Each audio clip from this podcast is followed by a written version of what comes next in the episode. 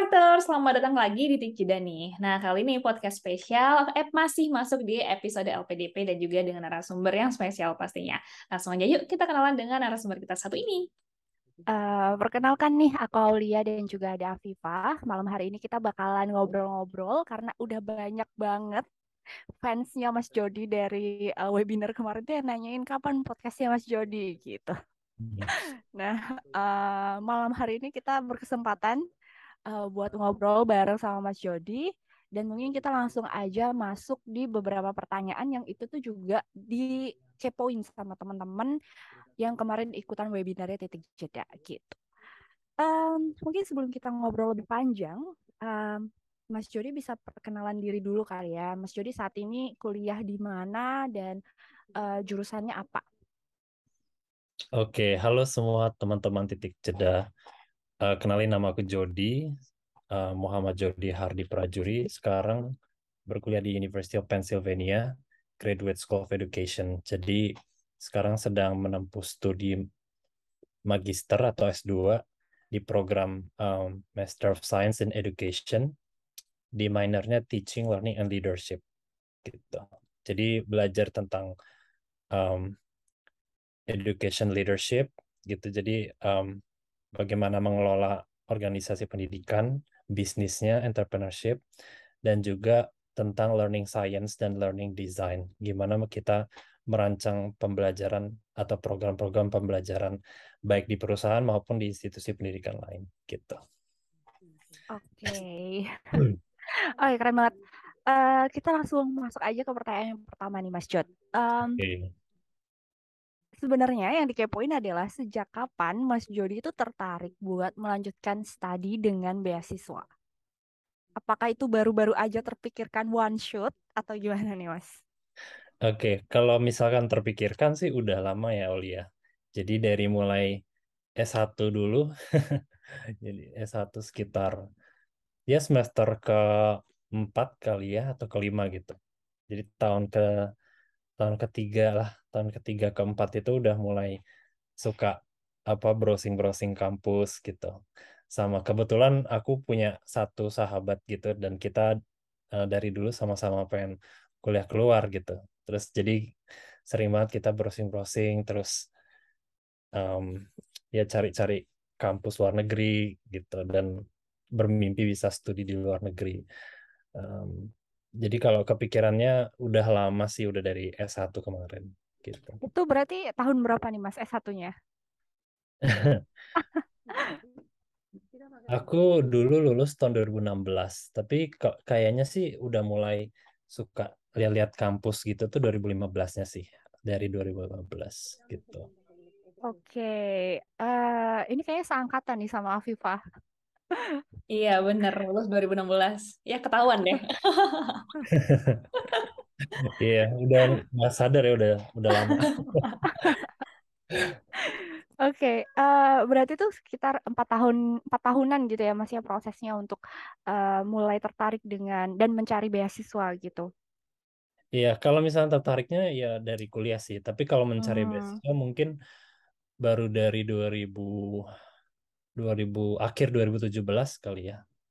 Eh enggak deh, hmm, akhir okay. 2018 ya 2018 lah gitu. Berarti empat tahunan gitu ya prosesnya 4 untuk tahun tiga tahun ya. Mulai mempelajari tentang aplikasi beasiswa dan lain iya, sebagainya. Gitu. Betul. Dan itu langsung tertarik untuk LPDP atau ada beasiswa lain?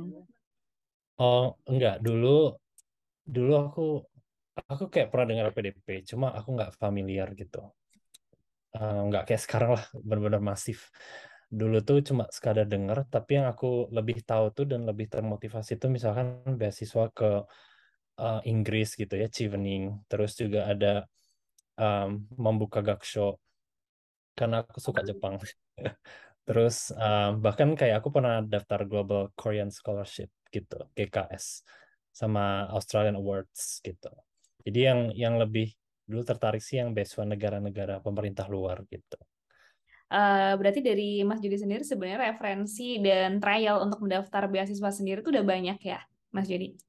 Ya, kayak hmm. misalnya Civic aku dari 2018 atau 17 gitu aku kayaknya daftar tiap tahun deh. Australian Awards juga daftar tiap tahun, tapi nggak pernah lolos administrasi. Susah banget ya. Terus Oke. Korea GKS cuma daftar sekali sekali sih gitu. Dan kayaknya aku lupa masih ada berapa juga yang aku daftar. Oh ya Erasmus dan Mhm. sebagainya gitu. Gitulah. Oke. Tapi ketika itu eh, waktu mendaftar beasiswa ataupun mendaftar kampus sempat kayak merasa kebingungan nggak eh, Mas Jody untuk menentu- untuk menentukan kira-kira jurusan mana nih atau kampus mana nih yang sekiranya cocok dan possibility buat keterimanya itu besar. Hmm, oke. Em, bingung sih mungkin nggak terlalu ya. Kalaupun aku ingatnya kalaupun bingung tuh bingung yang menyenangkan gitu karena kayak eh, kayak kita berandai-andai memilih kampus gitu kan Eh, bisa kuliah di kampusnya. Tapi em, kalau aku lihat dari dari tahun-tahun lalu itu benar-benar apa ya destinasi program dan kampusnya tuh benar-benar jauh Mhm. berbeda. Kayak misalnya dulu pas kuliah aku nyari-nyari tentang HI gitu kan tentang security studies. Um, Oke. Iya, karena dulu aku tertarik sama pengen jadi diplomat lah dan sebagainya, kerja Mhm. di international organizations. Um, terus kayak di tengah-tengah aku mulai melirik MBA gitu ya, karena aku juga suka bisnis juga, suka entrepreneurship. Bahkan kayaknya sampai dua tahun sebelum daftar yang sekarang ini aku masih kayak uh, lirik-lirik MBA juga, Mhm. bahkan aku udah les GMAT dan Mhm. sebagainya. Wow. Baru kayak ya tiga empat tahun belakangan mulai kayak education kayaknya juga tertarik gitu sih. Oke, berarti ini juga eh, dalam perjalanannya itu nggak fokus kepada satu program studi aja ya, bisa dibilang. Iya, Oke. betul. Nah, Dan tidak eh, memungkinkan juga misalnya di masa depan kita bekerja di bidang yang tadi hmm, yang mungkin kita tidak jadi ambil sih gitu. Karena kan em, manusia kan berubah ya gitu. hmm. Dan apa potensi apa sih eh, di di industri dan sebagainya juga kan cepat berubah juga kita gitu sih. Alright. So, tadi kan eh, Mas Jody mention kalau lulus di 2016, which means kita ini seangkatan, gitu kan. Dan kalau ngomongin soal eh, fenomena beasiswa sendiri nih, Mas Jody, di tahun 2016, kala itu kayak informasi dan media sosial nggak semasif sekarang. Dan itu benar-benar kayak kita harus mencari informasinya semuanya sendiri, daftar-daftar sendiri, nyari mentor sendiri, dan Betul. apa pun sendiri. Nah, ketika dalam perjalanannya ini, eh, hal-hal seperti ini ngaruh nggak sih dalam perjalanan Mas Jody untuk mendapatkan beasiswa? Em, kalau dulu dulu mungkin karena nggak tahu, maksudnya tidak ada perbandingan yang kayak saat ini, jadi dulu tidak merasa susah sih ya gitu Hmm. karena ya enjoy aja gitu. Em, apa lihat-lihat buka-bukain websitenya em, terus dan sebagainya lah gitu. Tapi kalau misalkan diriku yang dulu itu bisa melihat ada sekarang ya kalau dibandingin jauh ya. Hmm, bener-bener. program sekarang webinar-webinar banyak banget Hmm. terus kayak um, program mentorship juga kayaknya banyak banget bahkan kita karena misalkan orang-orang yang masuk ke univ-univ top di luar negeri gitu juga udah mulai bermunculan di medsos gitu ya jadi kita mungkin sekarang lebih mudah buat approach gitu mungkin ada yang diterima ada yang di di welcome ada juga yang mungkin juga enggak tapi intinya lebih mudah approach orang kalau dulu tuh mungkin lebih terbatas ya jadi em, syukur-syukur nemu di LinkedIn dan syukur-syukur dibalas gitu kalau Mhm. misalnya Mhm. tanya. Em, terus juga apa sih ya dulu mungkin lihat di YouTube juga terbatas ya misalkan campus tournya ini atau apa gitu atau kayak sehari-harinya di kampus ini gitu. Mungkin ada tapi dari orang luar juga. Kalau sekarang mungkin kalau kita cari hampir semua kampus yang yang ternama gitu ya at least ada lah gitu ya. Jadi Oke, lebih ada mudah. konten, ada konten kreatornya ya, udah.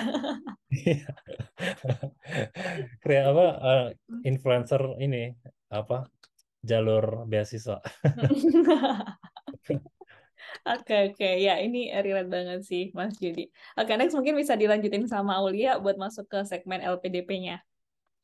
Oke, ya. Nah, berkaitan sama LPDP-nya nih, Mas. Eh, yang kita tahu kan memang apa ya, LPDP itu bukan cuma soal kesulitan tapi juga keberuntungan nih, Mas. Karena eh, ada juga yang berkali-kali coba baru dapat, tapi juga ada orang-orang yang beruntung yang akhirnya menemukan bahwa ya memang LPDP itu jodohku gitu. Uh, pada saat mendaftar LPDP ada pengalaman yang tak terlupakan ya sih Mas? Atau kayak hal tersulit yang pada saat itu tuh dilakukan buat LPDP gitu atau apakah kayak IELTS-nya ataukah justru cari uh, mentor misalkan ada nggak Mas? Hmm. Um, aku kan ikut LPDP itu 2019 sama 2021.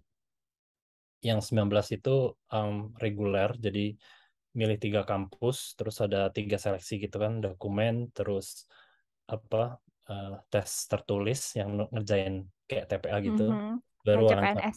Iya, terus baru wawancara. Aku sampai wawancara, jadi sampai paling akhir banget terus nggak lolos. Nah baru yang 2021 ikut yang PTUD itu langsung wawancara dan ya lolos alhamdulillah. Mungkin yang tidak terlupakan kalau dari yang gelombang pertama, sorry yang 2019 itu um, aku ingat banget yang karena aku lolos administrasi gitu. Terus akhirnya bisa tes yang tertulis. Aku ingat banget hari itu karena berkesan banget. Yang pertama, uh, aku dari Jakarta Selatan, dari Cilandak, um, pagi banget. Itu tesnya jam, kalau nggak salah jam 8 dan harus tiba jam 7 apa jam 7.30 aku lupa. Saya masih pagi banget. Jadi aku berangkat sekitar jam ah, jam 6 kali ya. Gitulah okay. jam, jam 6. Dan itu perjalanan jauh banget ke Jakarta Timur dan aku belum pernah ke sana di dekat Bea Cukai situ. Nah, tapi yang lebih berkesan lagi sebenarnya pas uh, tesnya keluar itu nama aku tuh paling atas gitu. Wah, aku gak, keren banget. Aku kayak nggak apa nggak belajar, cuma belajar mm -hmm. semalaman kemarin itu gara-gara aku pas itu kerjaan lagi sibuk banget. Tapi kayak nggak nyangka aja misalnya bisa memang pas ngerjain memang lancar sih gitu. Ada beberapa yang nggak tahu tapi ya udahlah gitu. Eh tapi pas keluar hasilnya uh, skornya paling tinggi gitu di pada itu di Jakarta. Terus ya jadi hari itu aku pulang berbunga-bunga hmm. sih.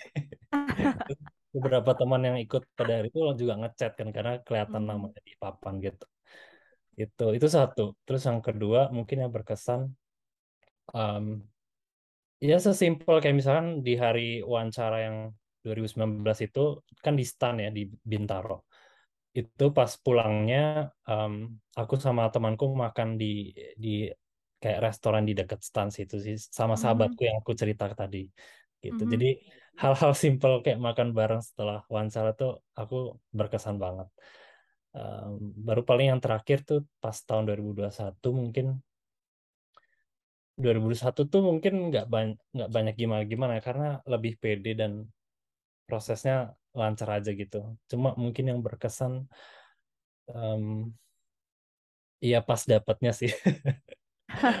pas malam dapatnya benar-benar ekstatik banget kayak loncat-loncat di rumah. Tapi itu uh, apa namanya pada saat uh, berarti kan Mas mengalami interview by offline dan juga online gitu kan merasakan dua yeah. hal ini gitu. Uh, okay. Emang ada perbedaan feeling gak sih Mas kayak apakah memang lebih terasa mudah online ataukah sebenarnya ada ada perasaan yang berbeda nggak dengan dua kalau, tipe ini? Kalau yang lebih praktis ya pasti online ya. Jadi aku cuma di kamar doang ya modal hmm. kayak minta yang lain diem gitu kan. Yeah. jangan jangan ribut gitu terus ya nutup kamar terus cari spot yang terang terus dan sebagainya gitu mm-hmm.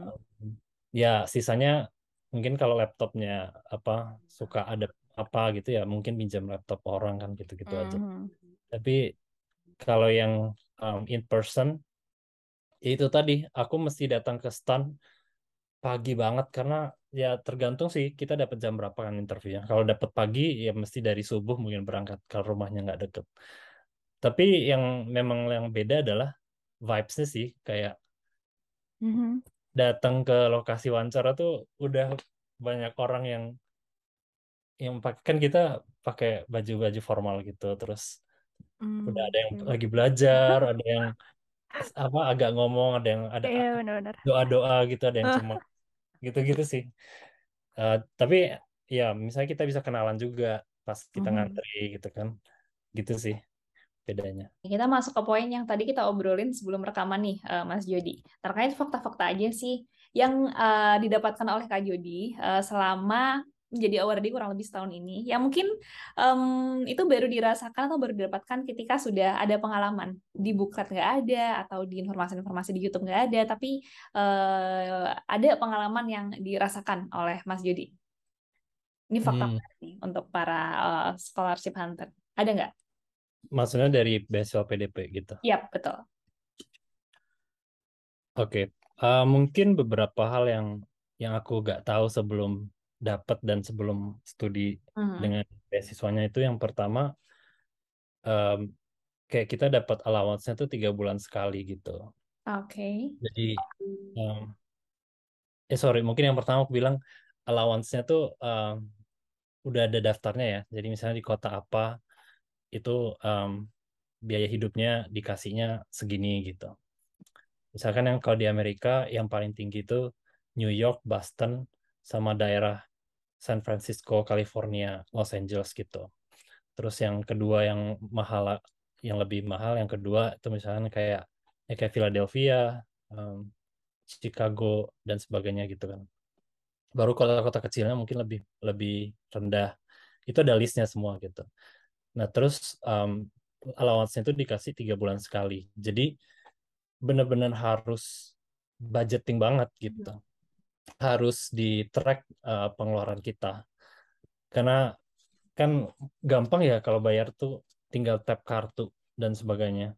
Itu kalau dan di sini tuh Amazon ada Amazon gitu. Jadi uh -huh. sangat bisa beli itu dengan cuma klik doang. Um, langsung langsung dikirim gitu. Jadi menurut aku itu satu yang um, hal baru. Terus paling yang kedua apa ya? Kedua itu bisa um, late of arrival. Eh enggak ada itu buat kampus nih tapi intinya um, FPDP bisa bisa lebih fleksibel sih kalau misalnya ada apa-apa itu dia bisa nego. Jadi nggak sebenarnya nggak saklek banget. Bisa ekstensi juga misalkan kalau ada hal-hal yang apa kita butuh extend studi itu bisa bisa dikomunikasikan gitu sih. Oke. Paling. Oke, okay. uh, eh, iya sih mungkin yang paling ditakutkan adalah ketika kita udah dapet LPDP terus di sana kan udah dipatok nih uh, maunya 12 bulan atau kayak 13 bulan. Maksudnya kan uh, itu kan tergantung ke setiap orang dan kondisinya gitu. Itu tuh masih bisa dinego gitu ya, Mas ya. Kalau dari LPDP-nya. Bisa, bisa banget gitu. Oke, uh, ini berhubung kurang 8 menit lagi Zoom-nya, mohon maaf karena nggak premium. Uh, mungkin pertanyaan terakhirnya tadi kalau udah dijawab soal perihal apa ya tadi ini soal perihal source uh, bahwa memang udah lebih bagus saat ini source-nya mungkin uh, karena ini banyak banget fansnya Mas Jody uh, mungkin kasih uh, bisa dikasih semangat ya uh, Mas Jody buat teman-teman yang memang mungkin karena banyak banget Mas kita ngelihat di lapangan uh, bukan di lapangan sih maksudnya teman-teman tuh yang cerita ke kita bahwa sebenarnya mereka udah maksimal banget udah uh, mentorship sana sini udah tanya sana sini bahkan dia udah keterima di uh, top 10 university gitu tapi ternyata dia nggak dapet LPDP gitu uh, apa yang harus mereka siapkan untuk LPDP di tahap 2 ini? Hmm, aku mau bilang uh, maksudnya ya aku kagum juga sama anak-anak sekarang gitu ya. Uh, mereka punya mimpi besar terus dan aku suka banget uh, apa sih rasa ambisiusnya gitu ambisius positif. Jadi benar-benar mengejar cita-cita dan memanfaatkan semua sumber daya resources yang ada zaman sekarang gitu. Termasuk beasiswa dari pemerintah kita karena PDP itu juga kita nggak pernah tahu misalnya di tahun-tahun berikutnya maybe kayak ganti orang mungkin beasiswanya ganti mekanisme gitu kan. Jadi um, memanfaatkan momentum tuh uh, juga suatu hal yang bagus. Mungkin pesanku yang belum um, belum dapat momentum itu ya yang pertama uh, it's okay gitu ya. It's okay um, uh, tiap orang beda-beda um, aku pengen highlight kayak di zaman sekarang yang medsos tuh benar-benar kenceng banget. Kita tuh gampang banget membandingkan diri sama orang gitu kan.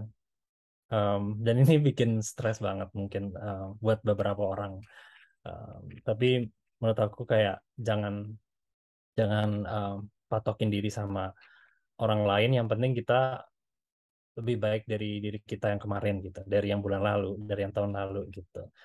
Sesekali nolehlah ke belakang misalkan udah dari tahun lalu tuh kita udah di tempat yang berbeda atau kayak ada perubahan apa yang sudah ada di kita itu kayak kita bersyukur.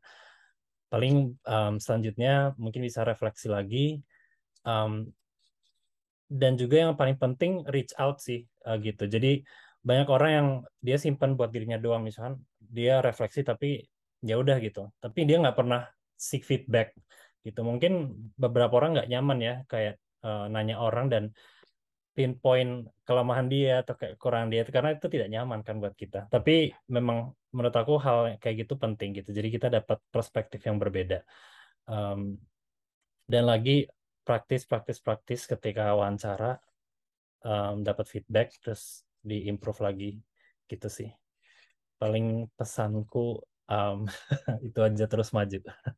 Oke, itu tadi barusan cerita-cerita kita barengan sama Mas Jody dan juga aku dan juga Afifah. Nah, buat teman-teman yang saat ini sedang mencari beasiswa, jangan lupa untuk selalu semangat dan pertahankan uh, semangat kita sampai akhirnya mendapatkan beasiswa. So, buat kalian yang uh, menanti berbagai beasiswa lainnya, jangan lupa untuk selalu subscribe dan juga dengerin Titik Jeda. Sampai Bye. ketemu di podcast selanjutnya. Bye.